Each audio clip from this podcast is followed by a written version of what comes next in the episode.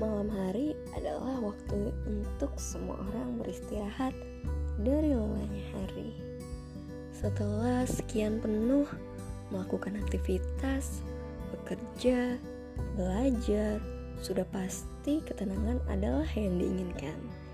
Menikmati ketenangan, berkumpul bersama keluarga, serta bersantai bersama teman untuk melepas segala penat dari hari yang padat.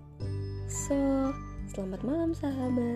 Jangan lupa besok kita masih punya segudang petualangan menarik yang sayang untuk kita lewatkan. Tetap semangat ya.